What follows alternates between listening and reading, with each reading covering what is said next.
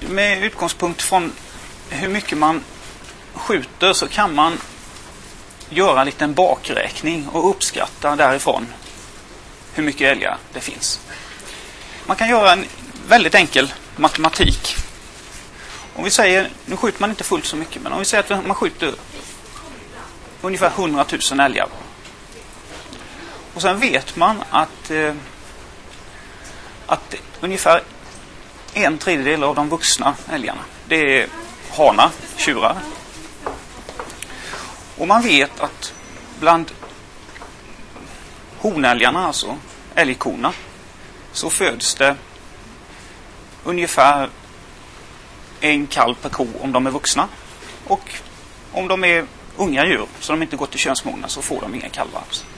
Och summa summarum av det där så kan man säga att de får ungefär en halv kalv per ko. Om man bakräknar utifrån hur många man skjuter, ungefär då 100 000 och säger att vi skjuter det årligen om och om igen och det, det händer ingen, det minskar inte då om man har det uttaget. Då måste man upp i siffran att det finns 300 000 älgar efter jakt. Får jag fråga, men Ja. rapporterar man verkligen antalet älgar man skjuter? Så gott som fullständigt. Det diffar på mindre än 10 procent. Förmodligen är det bara några, något fåtal procent som det diffar. Så det är mycket, mycket... När det gäller just älg så har man eh, mycket bra statistik vad gäller avskjutningen. Annat vilt eh, undantaget som de stora rovdjuren då kanske vi ska säga. Björn, där vi har en viss jakt. Eh, där är väl också jaktrapporteringen eh, så gott som perfekt. Men eh, när det gäller annat vilt så det har, har ju att göra lite med på vilket sätt man får, ja, man får jaga. Det är en friare jakt. Älgen, älgen är omgärdad med väldigt mycket restriktioner. Man får skjuta på licens. Lite förenklat, det är ett ganska komplicerat system. Men det är, det är omgärdat och det, det följer då, på det följer att man har i princip får in all, all rapportering. Principen är den att rapporterar man inte in vad man skjuter så får man inte tillstånd att nästföljande år bedriva jakt. Så att med en sån här en enkel bakräkning så vet man att det finns för, efter jakten 300 000, före jakt 400 000. Allt, allt, all avgång i en älgpopulation eller en älgstam är, inte förorsakat av jakt utan det, det sker en, en del annan, eh, annan död också.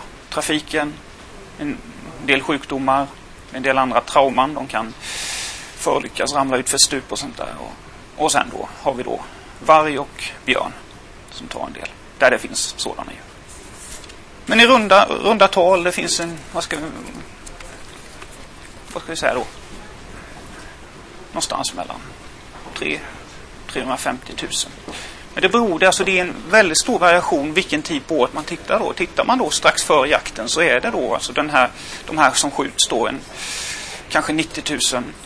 Så mycket fler djur är det då på sommaren än vad det är sen under vinterhalvåret. Och det är ju frågan alltså. Att, så det, det är ju någon slags mellan tummen och pekfingret uppskattning där. Och har man någon, har man någon nytta av det här? Det, det kan man ju fråga sig. Varför ska man räkna älgar? Det är ju, ett är ju att det här med trafikproblematiken, att vet man så kan man, ja all kunskap ger ju möjligheter till att reglera. Men det kanske viktigaste är det vi varit inne på tidigare här med jakt. För att ha det bästa jaktliga utbytet så, så finns det mycket att vinna på att man, man vet hur mycket älg det finns.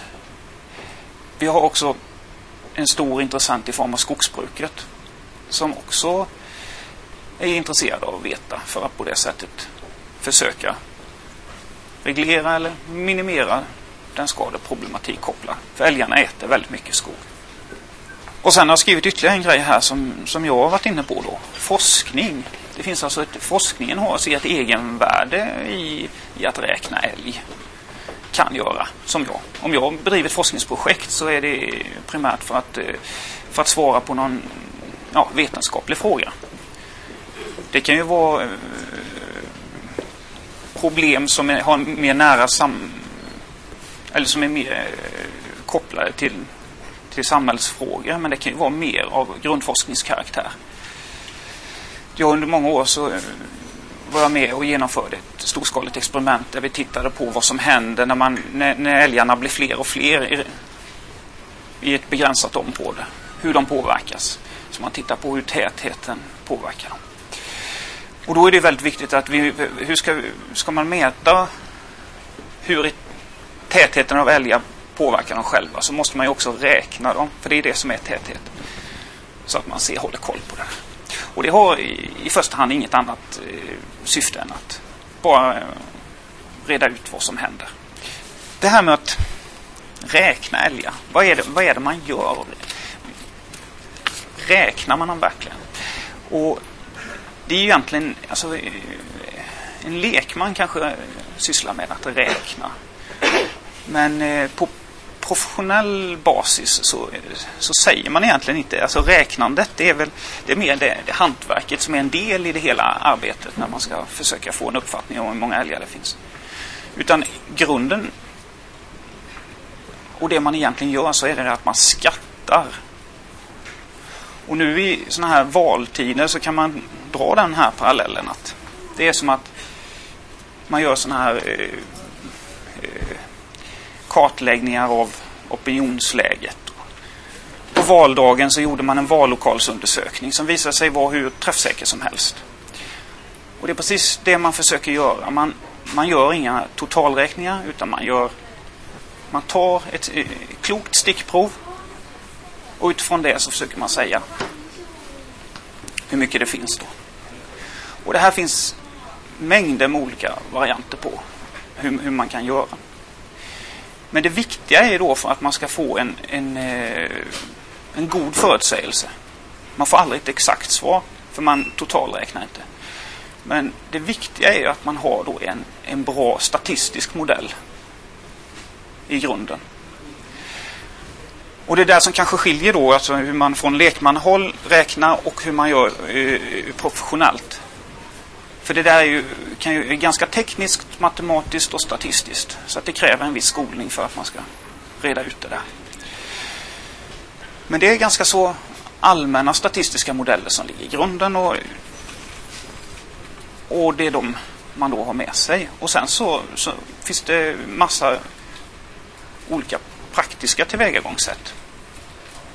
Till exempel så, så eh, så kan man eh, man kan räkna spillningshögar på det sättet. Alltså antalet eh, skithögar som älgarna lägger och på det sättet få fram ett mått på hur många de är. Man kan räkna dem från luften och på det sättet få fram. Men det, det där säger väldigt, väldigt lite om vad det egentligen är man, hur man räknar fram det. För man kan använda alltså olika statistiska modeller. Eh, tar man till exempel flygräkning. Man kan alltså ge sig upp i ett eh, fastvingeflyg, en helikopter och, och i princip bara räkna av ett område. Man kan göra ett stickprov så man bara räknar vissa delar då och sen försöker räkna fram det. Men man skulle kunna göra eh, på, på många andra sätt. Ett sätt som, är, som jag har en del erfarenhet av det är att man, man använder något som kallas eh, på biologispråk då fångst återfångst. Och det, det, gör man bara i, vad ska man säga, i tanken eller det är liksom i, i praktiken. Man fångar inte älgarna från luften och så. Utan, men principen är den. Och fångst återfångstprincipen det är den att man om vi tar den då mer bokstavligt så att man fångar ett antal djur, märker dem och släpper ut dem. Och sen vid ett senare tillfälle så fångar man ett antal djur igen. Och så tittar man på hur många är märkta av de här återfångade. Och då finns det en relation att antalet djur som man har fångat första gången till den verkliga mängden djur står i samma relation till de djur man har fångat andra gången till de som är återfångade och märkta vid första tillfället. Det kan ni gå hem och fundera på. Men de relationerna gör att man, man har tre bekanta och en obekant. Och det är ju hur många älgar det verkligen finns eller djur. Godtyckligt vilket djur. Och så räknar man fram det på det sättet. Och den här kan man då tillämpa. Och vi tillämpar den genom att vi fångar dem inte utan det vi gör utifrån luften då eller med helikopter det är att man med två oberoende helikoptrar som inte är mer än kommunicerar säkerhetsmässigt men de pratar inte med varandra i övrigt. Där man räknar, en, den första helikoptern räknar och noterar på ett protokoll vad man ser och sen så räknar ytterligare en strax därefter en helikopter med vad, vad man ser. Och på det sättet kan... Ja, och då, eftersom älgarna under så här... Eh, det här görs på vintertid när det är snö. De flyttar sig inte under den tiden och man kan registrera. För så mycket älg finns det aldrig. Utan man kan, man kan lätt identifiera då utifrån protokollföringen att det där är samma älg som man har sett och det där är inte samma älg. Så det blir alltså man, man utnyttjar sin en allmän princip och räknar på det här sättet. Och så får man fram då en skattning. Och det fina i kråksången är också att man får fram då en säkerhet i hur pass säker den här skattningen är. Det skulle principiellt gå att räkna av en, en, en areal till fullo så. Men det, kostnaden skulle skena iväg fullständigt. För det här är ganska dyrt då. Flyga helikopter är dyrt och så. Men man får väldigt bra precision genom att kanske räkna 20 procent av alla areal.